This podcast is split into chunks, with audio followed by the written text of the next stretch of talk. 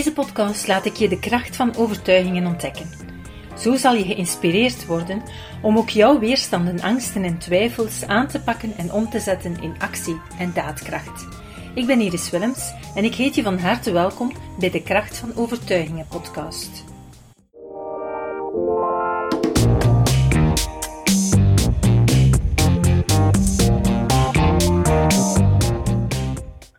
Welkom in deze podcast. Vandaag ga ik het hebben over de reden waarom je in je overtuigingen blijft hangen. En daar wil ik graag wat achtergrondkennis meegeven. Dus vandaag ga ik je niet zozeer een verhaal vertellen van wat mij of anderen is overkomen of uh, wat we hebben veranderd, maar wil ik je echt wel wat meer inzicht geven in wat gebeurt er in onze hersenen en hoe komt het dat we bepaalde dingen doen wat zijn nu precies die overtuigingen? Hoe ontstaan die? En hoe komt het dat we daar echt wel kunnen op ingrijpen? Het is zo, um, het is natuurlijk, doordat het een podcastversie is, misschien iets moeilijker om uit te leggen, want normaal gezien wil ik dat graag even visueel ondersteunen. Maar ik hoop dat ik het uh, toch zo eenvoudig mogelijk kan duidelijk maken, zodanig dat je je er eigenlijk ook een beeld kan van maken. Maar ons brein bestaat uit heel veel hersencellen, neuronen genoemd. En die cellen die staan in verbinding met elkaar. Die staan in verbinding via een axon, dat is eigenlijk, je zou kunnen zeggen, bijna een elektriciteitskabel, die van de ene cel naar de andere loopt. Maar die elektriciteitskabel, die, dat axon, dat uh, vertakt zich in heel verschillende miljoenen vertakkingen, die noemen we dendrieten. En die dendrieten, die gaan dan zorgen mm, voor een connectie met andere cellen. Dus je kan het een beetje voorstellen als een boom met heel veel wortels. En die wortels die gaan weer connectie maken met een nieuwe cel of neuron. Nu, die dendrieten, die we, zoals we dat noemen, die staan niet echt volledig in connectie met die nieuwe cellen. Daartussen zit er eigenlijk een beetje ruimte. En dat noemen we de synaptische spleet. Dus je moet je voorstellen dat het uiteinde van zo'n dendriet er een beetje uitziet als een zuignap. En dan heb je een cel die daar tegenover staat en daartussen zit er een stukje een ruimte. Nu, uit die dendrieten komen een aantal neurotransmitters. Die worden vrijgemaakt. En wanneer het gaat over bijvoorbeeld onze hersencellen, dan worden die vrijgemaakt in functie van hoe we denken, wat we denken. Dus die transmitters die vrijkomen, die neurotransmitters, die bevinden zich in de tussenruimte en die kunnen dan binnendringen in de cel als ze overeenkomen qua vorm met de receptor in die cel, dus een, een ontvangst. Je zou kunnen vergelijken met een, een sleutel die past op een deur. Als die sleutel past, dan kan je binnen, past die sleutel niet, dan kan je niet binnen. En dus daardoor gaat die neurotransmitter bepaalde cellen gaan activeren of onderdrukken naar gelang als hij binnen kan. En zo eigenlijk werken onze hersenen. Niet alleen onze hersenen, Hans ons lichaam werkt met dat systeem. Alle cellen in Hans ons lichaam gebruiken dat systeem. Nu, waar we heel vaak niet bij stilstaan, dat is dus dat die gedachten werkelijk een fysiologische, een chemische reactie ook in onze hersenen teweeg brengen, dat die effectief een invloed hebben op die neurotransmitters die vrijkomen en dat die op hun beurt dus weer andere cellen gaan activeren of onderdrukken. En dat is de reden waardoor dat we door ons denken invloed hebben op ons totaal functioneren, elke cel en elke spier in ons hele systeem. Nu, er ontstaan continu verbindingen tussen verschillende cellen in onze hersenen. En we noemen dat leren. Dus elke vorm van leren is gebaseerd op het feit dat er connectie ontstaat dankzij die dendrieten tussen de verschillende hersencellen. En bijvoorbeeld als we een gezicht zien, we zien iemand en die persoon die noemt Piet. In ons brein wordt de associatie gemaakt tussen het gezicht, de ogen, de neus, de, de kaaklijn, het gezicht van Piet. Die naam Piet wordt geassocieerd met die specifieke gelaatsuitdrukking of gezicht. Wat Piet dan zegt, bijvoorbeeld um, Piet roept en wordt boos, als hij dat herhaaldelijk doet, dan gaat in ons brein ook een associatie ontstaan, een koppeling komen, en wordt het feit dat iemand boos wordt, het boos worden, wordt geassocieerd met Piet. Als Piet bijvoorbeeld boos wordt telkens wanneer ik mijn mening zeg, dan wordt dat ook geassocieerd. Dan wordt in mijn brein geassocieerd, als ik mijn mening zeg, dan wordt Piet boos. En begint hij te roepen. Door dat boos zijn van Piet krijg ik angst. Het is een stressreactie. Ik word bang, want als iemand heel eruit roept en misschien ook bedreigt, dan voel ik eigenlijk angst opkomen. En als ik dat blijf herhalen, dan gaat in mijn hersenen ook die angst geassocieerd worden met Piet, zonder dat Piet roept. Op een bepaald moment hoef ik maar aan Piet te denken en ik voel al angst opkomen. Maar wat gebeurt er nog? Piet heeft bijvoorbeeld een bepaalde bril op. En Piet heeft ook een snor. En zonder dat ik daarbij stilsta, zonder dat ik ook iets doe, gaat mijn brein ook een associatie maken tussen de bril van Piet, de snor van Piet en Piet. Maar ook tussen de angst die ik krijg bij Piet. Wat maakt dat door die onbewuste associaties, die koppelingen die tussen die verschillende cellen in hersencellen in mijn brein worden gelegd, dat het kan gebeuren dat wanneer ik iemand tegenkom die een luide stem heeft en die een bril op heeft die gelijkt op die van Piet, dat ik ogenblikkelijk angst voel op ontstaan. Dus die associatie zit in ons brein en dat is eigenlijk wat er gebeurt continu. Ons brein gaat heel snel koppelingen leggen en het zijn die onbewuste koppelingen die eigenlijk ervoor zorgen dat we een onbewuste overtuiging of een onbewuste associatie gaan hebben, die maakt dat we reageren op een manier dat we eigenlijk niet hoeven te reageren. Want het is niet omdat je iemand ziet met een gelijkaardige bril als Piet, dat je daarom moet dichtklappen en je mond houden. Want je hebt ooit geleerd dat als je je mening uitte tegenover Piet, dat hij boos werd. En dus heb je geleerd om te zwijgen. Maar dat is wat er dus eigenlijk gebeurt. Je wordt uh, groter, ouder, volwassen en toch blijf je nog altijd op diezelfde manier reageren als toen je bijvoorbeeld klein was en je bang was van Piet. Maar die Piet kan evengoed je vader zijn, dat kan je moeder zijn, dat kan een leerkracht zijn, dat kan om het even wie zijn. Belangrijke personen van vroeger, die gaan op die manier ook heel snel die associaties in jouw brein teweegbrengen. En dat is dus eigenlijk de verklaring waarom dat je heel vaak reageert op een manier waarop dat je met je verstand weet van eigenlijk hoeft het niet. Ik mag mijn mening zeggen, maar toch lukt het mij niet om ze te zeggen. Of ik hoef in die situatie niet bang te zijn, want rationeel is er geen enkele reden toe om bang te zijn, maar toch voel ik angst. Toch durf ik bepaalde dingen niet doen. Dus het zijn die associaties die ik ook wel overtuigingen noem. Maar het zijn niet altijd uh, bewuste overtuigingen. Het zijn heel vaak onbewuste associaties die in jouw brein een overtuiging zijn geworden. Bijvoorbeeld de overtuiging dat mensen met een luide stem gevaarlijk zijn. Dat mensen met een luide stem, um, ja, dat je daar geen, uw mening niet tegen mag zeggen, bijvoorbeeld. Dus dat zijn onbewuste overtuigingen die er ontstaan zijn. En dus is het heel belangrijk om daar bewust van te worden. Om te gaan kijken van, ik heb een bepaald gedrag, ik wil bepaalde dingen gaan doen, ik wil iets anders doen, ik wil anders reageren in mijn leven. Wat zijn dan de onbewuste overtuigingen die er in mijn brein zijn gekomen? Want nu herinner ik me misschien die situatie niet meer, omdat dat al zoveel jaren terug is. En dus ben ik mij niet meer bewust van de onbewuste overtuigingen of associaties die er zijn ontstaan. En je hebt mij al horen zeggen in een van mijn eerste podcasts, denk ik, Ehm, dat de, de koppelingen, de overtuigingen die in je kindertijd ontstaan zijn, zijn vaak veel sterker aanwezig, hebben een grotere invloed dan zaken die je in je later leven meemaakt. Dat wil niet zeggen dat er geen nieuwe associaties, geen nieuwe koppelingen ontstaan. Er gebeuren altijd nieuwe koppelingen.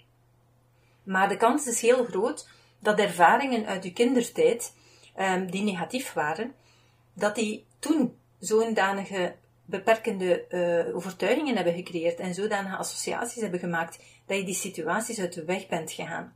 En op het moment dat je die situaties uit de weg gaat, kan je geen nieuwe verbindingen leggen, kan je geen nieuwe associaties maken, want je hebt er gewoon geen, je gaat het uit de weg.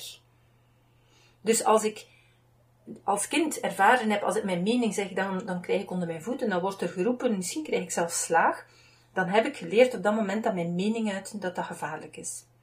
Maar die kans is dan ook heel groot, als dit in mijn brein zit, dat ik niet nadien heb gedurfd om effectief op te komen voor mijn mening.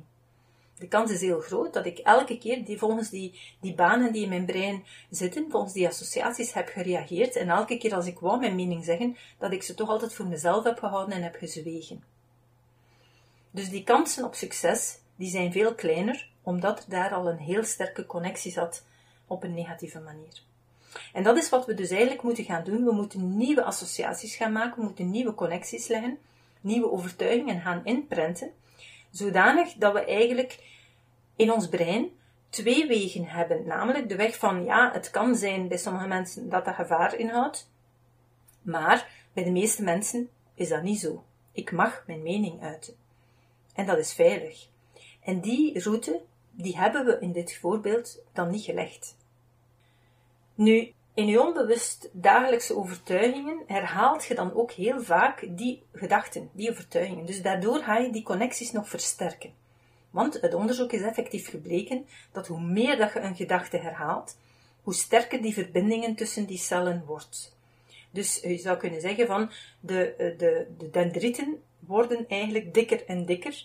En dus de informatieoverdracht gaat ook sneller en sneller. Waardoor dat je gaat merken dat vaak eh, negatieve gevoelens die ontstaan zijn op een bepaald moment, door de jaren heen sterker en sterker kunnen worden en ook alsmaar sneller worden geactiveerd, omdat die route versneld uh, wordt doordat die dendrieten verdikken. Nu, het is ook zo dat um, elke gedachte gaat dus die neurotransmitters gaan vrijmaken. Die gaan bepaalde cellen activeren of onderdrukken en die gaan ervoor zorgen dat je bepaalde gevoelens of reacties krijgt. Maar die gevoelens of reacties, die gaan u terug weer aanzetten tot een bepaalde gedachte, waardoor dat je in feite een vicieuze cirkel krijgt. En op die manier wordt eigenlijk ook ons, ons lichaam geconditioneerd. We gaan eigenlijk ook reacties gaan krijgen en die reacties in ons lichaam gaan terug weer ons denkproces gaan stimuleren. Ik geef een voorbeeldje. Um, het kan bijvoorbeeld zijn dat jij een bepaalde fase van je leven heel erg ambitieus bent, heel druk bezig bent, heel veel deadlines hebt en daardoor natuurlijk ook heel veel stress, adrenaline hebt. En adrenaline is een van de stresshormonen die u eigenlijk een push geeft van, van verkracht en energie te kunnen leveren. En geeft heel, voor heel veel mensen vaak ook zo, ja, die gezonde kick. Nu, als ik dat in een bepaalde fase van je leven heel veel voordoet en het een na het andere is, dan, dan zit je constant onder adrenaline, constant in die actie. Nu, die adrenaline heeft ook een verslavend effect. En op het moment dat er dan bijvoorbeeld rust komt en dat die adrenaline gaat dalen, dan gaat je lichaam daarop reageren. Krijg je ontwenningsverschijnselen, net als bij alcohol. Als jij elke dag 10 pinten bier drinkt en dan plots ineens geen bier meer drinkt, gaat je lichaam daarop reageren. Je gaat allerlei zaken voelen die niet goed voelen. En je denkt automatisch op dat moment, ik heb bier nodig of ik heb alcohol nodig, want dan voel ik me beter. Dus hier zie je ook dat eigenlijk je lichaam heeft bepaalde symptomen en dat stimuleert terug je denken, waarbij dat je denkt van ik heb dat nodig. Dus ik ga dan nog maar wat extra nemen. En daardoor wordt eigenlijk, sommige mensen zeggen, ja, ik kan dat niet aan doen dat ik zo denk, maar dat is eigenlijk wat er ontstaat. Er is eigenlijk zo een vicieuze cirkel ontstaan, wat dat oorspronkelijk begonnen is bij uw denken, die bepaalde processen in gang gezet heeft, en waardoor dat er een lichamelijke verslaving aan gekoppeld is, waardoor dat je terug weer gaat op die manier gaan denken. Dus ook bij stress is dat dan zo. Hè. Op het moment dat de stress dan wegvalt, voel je heel veel ontwenningsverschijnselen, doordat die adrenaline gaat, gaat dalen. En dan word je bewust van allerlei klachten en allerlei kwaaltjes, en veel mensen zeggen op dat moment, ik voel mij niet zo goed, kan maar beter weer werken. Dus, en dat is dus eigenlijk natuurlijk de gedachte die ze u weer pusht naar die adrenaline, om toch altijd maar in beweging te blijven. En natuurlijk, als je dat langdurig volhoudt, dan ga je volledig gaan crashen. Nu, er is nog een heel belangrijk iets, want um, recent onderzoek uh, van de laatste tien jaar heeft aangetoond dat als je chronisch in stress zit, bij chronische stress, allee, bij stress algemeen, maar um, is uw cortisol ook heel hoog. En dus bij chronische stress heb je chronisch hoge cortisol. Nu wat blijkt, dat die cortisol breekt de dendrieten, dus die verbindingen die van de ene cel verbindingen leggen met heel wat andere miljoenen, miljarden andere cellen. Die dendrieten worden afgebroken. En die worden ook korter. En dat heeft als gevolg dat ja, dat eigenlijk alles veel minder goed functioneert. Dat je veel minder goed functionerend geheugen hebt, dat je veel meer begint te vergeten. Ehm, dat je ook bepaalde verstoringen krijgt van bepaalde organen die niet meer goed werken, omdat die dendrieten niet meer uh, volledig optimaal zijn, dat die afgebroken worden en dunner worden en korter worden. Maar het goede nieuws is dat men ook heeft vastgesteld dat die dendrieten terug weer kunnen ja, groeien, kunnen aangemaakt worden. En dat op voorwaarde dat de stress aangepakt wordt. Dus dat we terug uit stress gaan, dat we leren onze chronische stress onder controle krijgen. En als we terug weer in balans komen, dat wil zeggen dat uw autonoom zenuwstelsel terug weer normaal kan functioneren, dan um, ga je terug weer nieuwe dendrieten aanmaken, nieuwe verbinding tussen al die cellen. En dan ga je weer beter kunnen concentreren, beter kunnen nadenken, gaan je organen weer gezonder werken, ga je weer minder fysieke kwaaltjes hebben en dergelijke. Dus dat is heel belangrijk om te beseffen dat dat ook echt aangetoond is dat er tussen, in de verbindingen tussen uw hersencellen, dat er effectieve afsterving is van dendrieten door chronische stress. En dat verklaart dus waarom dat mensen die langdurig onder stress zijn, dat die effectief ook minder goed mentaal gaan functioneren, dat die zich niet meer kunnen concentreren, weinig of niets meer kunnen onthouden en dat allerlei kwaaltjes ontstaan. Maar het goede nieuws is dus, zoals ik zei, je kan dat terug omkeren door aan die chronische stress te gaan werken. En dat is hetgene wat we bij Prana ook eigenlijk al meer dan 25 jaar doen. Dat is eigenlijk methodes leren om effectief uw autonoom zenuwstelsel terug te gaan in balans brengen. Want je hebt twee systemen in je zenuwstelsel. Dat is hetgene dat zorgt voor actie. De orthosympathicus, die zorgt voor actie, voor vechten en vluchten, overleving.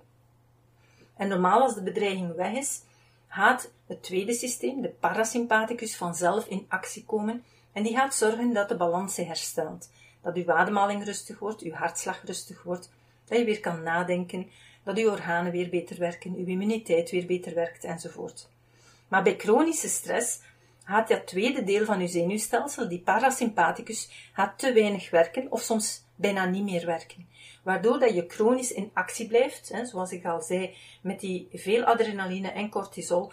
En waardoor dat je eigenlijk um, ja, je dendrieten afbreekt en alsmaar minder en minder gaat functioneren.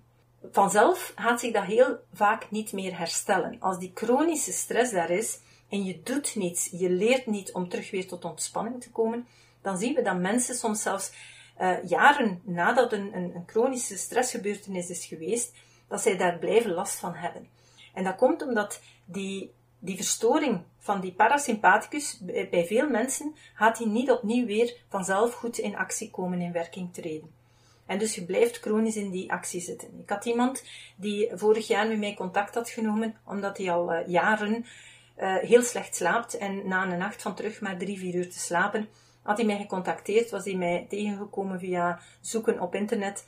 En die zei van ja, Iris, ik heb uh, al jaren heb ik een slaapprobleem. Ik slaap maar drie, vier uur per nacht, soms een keer vijf. Maar dat is het. Um, en ik zei tegen die persoon, ja, stress, um, slaapproblemen hebben in 95% van de gevallen te maken met um, chronische stress. Ja, zegt hij, dat kan niet, want ik ben gepensioneerd.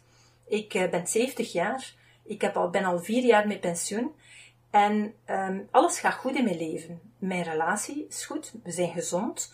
Mijn kinderen hebben allemaal een job, mijn kleinkinderen zijn gezond. Uh, we hebben een buitenverblijf, we zijn de helft van het jaar in het buitenland in goed weer. Dus ik zou niet weten waarvan dat ik nu nog stress heb. Dus ik zeg tegen hem, ik zeg, kijk, um, ja, ik ga er niet over discussiëren, want één, ik ken u niet, maar als ik u eigenlijk aangeef, volgens mij is het wel de chronische achterliggende stress die er nog altijd speelt en die maakt dat je ondanks vier jaar met pensioen al, dat toch nog altijd verstoord zit. Dus geef het een kans. Begin met de technieken, oefen er intensief mee en um, contacteer mij terug binnen 14 dagen, maximum 3 weken. Als je dan nog geen verandering hebt gehad, dan geef ik je volledig je geld terug. dan, uh, dan heb je geen, geen enkel risico genomen, dus maar probeer het, maar doe het wel en doe het ook elke dag. Dus hij begint, hij start met onze methodes en de dag nadien krijg ik al een berichtje en die zegt van... Uh, uh, ja, ja, oh tof, ik heb zes uur geslapen vannacht. Dus hij was super content. Uh, de nacht nadien krijg ik terug een berichtje, allee, de, de, ochtend nadien krijg ik terug een berichtje. Um, ja, ik terug weer zes uur geslapen, oh, ben heel tevreden, enzovoort. En zo gaat dat eigenlijk, eigenlijk alle dagen verder. En een tweetal weken verder um, bel ik hem op en ik zeg, um, ja, hoe gaat het ondertussen? Oh, goed, supergoed. Ondertussen, ja, zes à zeven uur slaap ik toch al en eigenlijk elke nacht. Maar ben nu wel een beetje bang, zegt hij. Want ja, in het verleden heb ik ook wel een keer momenten gehad dat dat weer een keer wat, goed, wat beter ging. Maar dat bleef toch niet duur. Ik zeg, kijk, nu zitten we op een punt dat je eigenlijk in je overtuigingen zit en waar dat je nu moet als volgende stap gaan aanwerken. Want je hebt je autonoom zenuwstelsel terug weer geactiveerd om te gaan ontspannen. Dat lukt. Maar nu heb je nog de overtuiging, de verbinding in je hersencellen, dat het niet blijft duren. En dat het niet kan dat jij terug weer een normale slaap gaat hebben. Dus je gelooft er niet in dat je slaap weer normaal kan worden.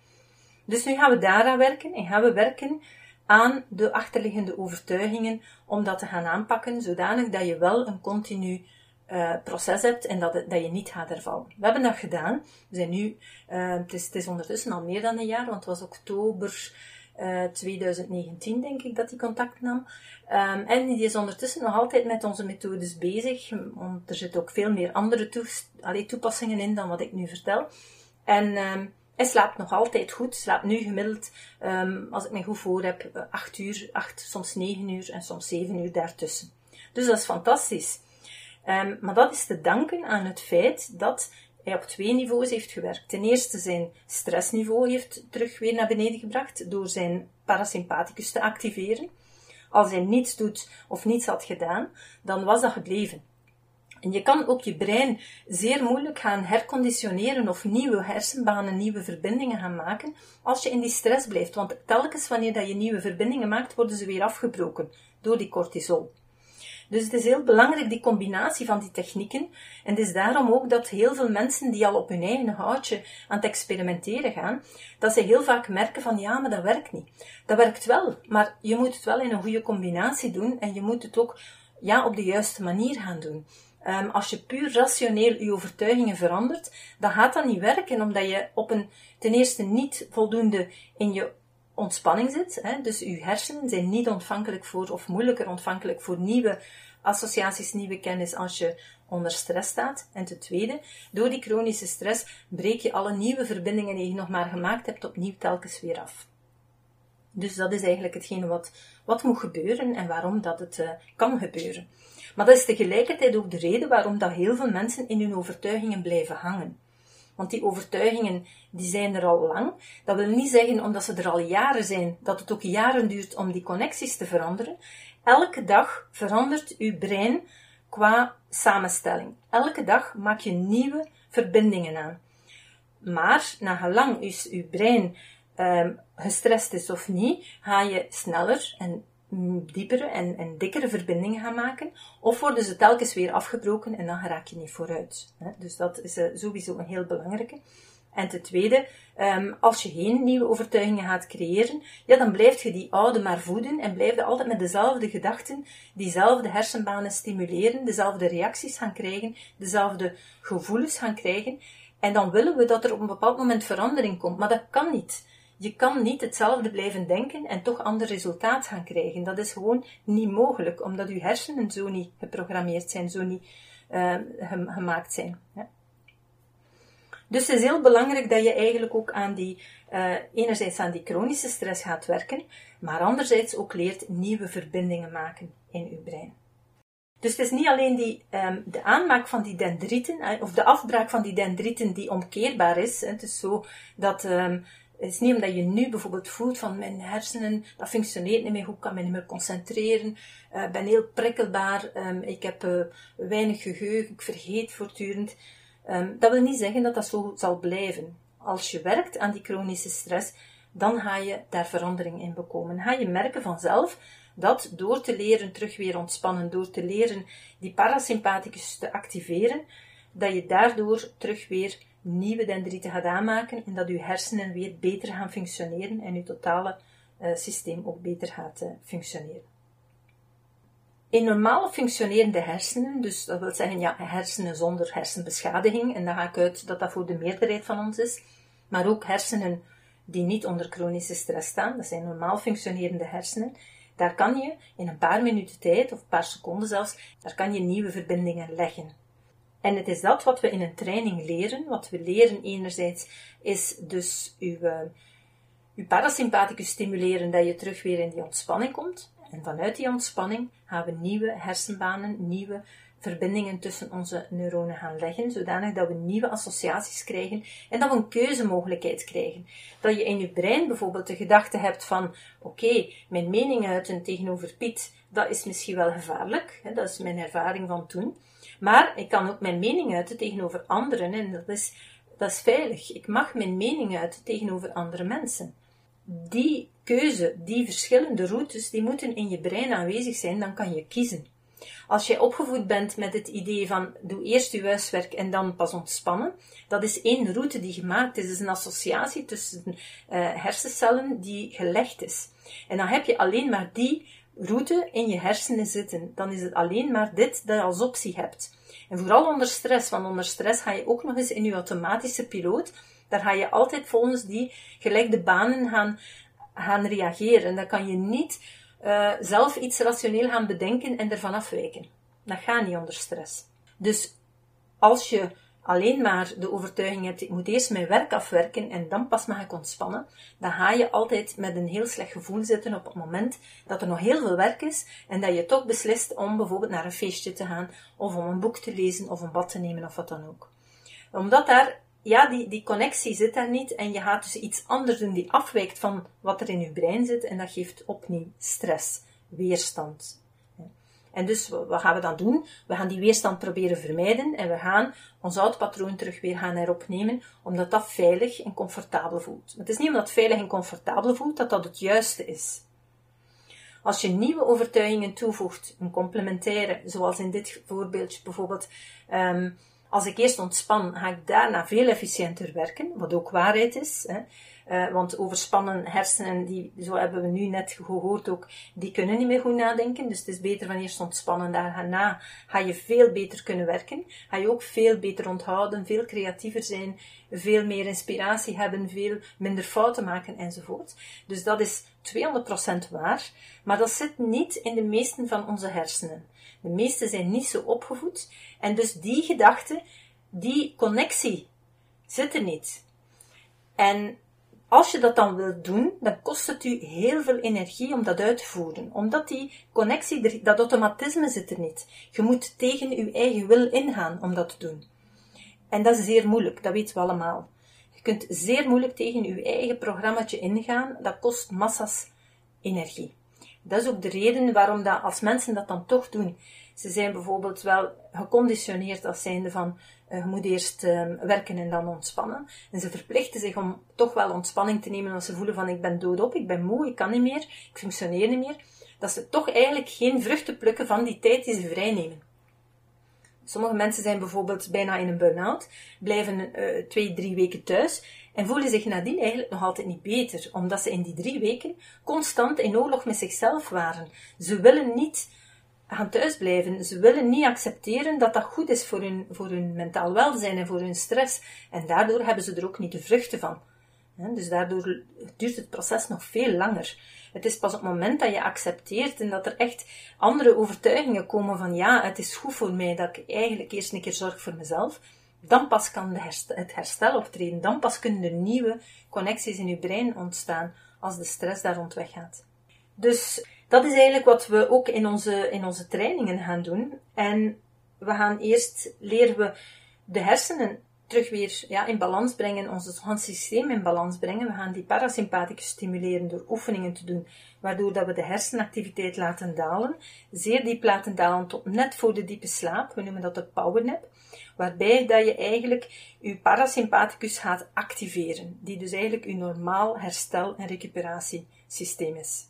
Eenmaal dat dat weer goed op gang begint te komen, gaan we parallel daarmee overtuigingen gaan veranderen. Overtuigingen gaan inprenten in, dat, uh, in die diepe ontspanning. Maar doordat je ontspannen bent, gaat je brein veel ontvankelijker zijn voor nieuwe verbindingen die in je brein gaan ontstaan.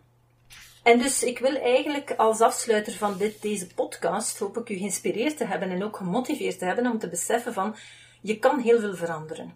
Um, maar je gaat wel iets moeten doen. Vanzelf gebeurt het niet. Vanzelf blijf je de oude connecties gebruiken en ga je die versterken. Worden die alsmaar uh, meer en meer met elkaar verbonden, gaat dus de snelheid van informatieoverdracht groter en groter worden, waardoor dat je steeds meer vervalt in dat verkeerde patroon.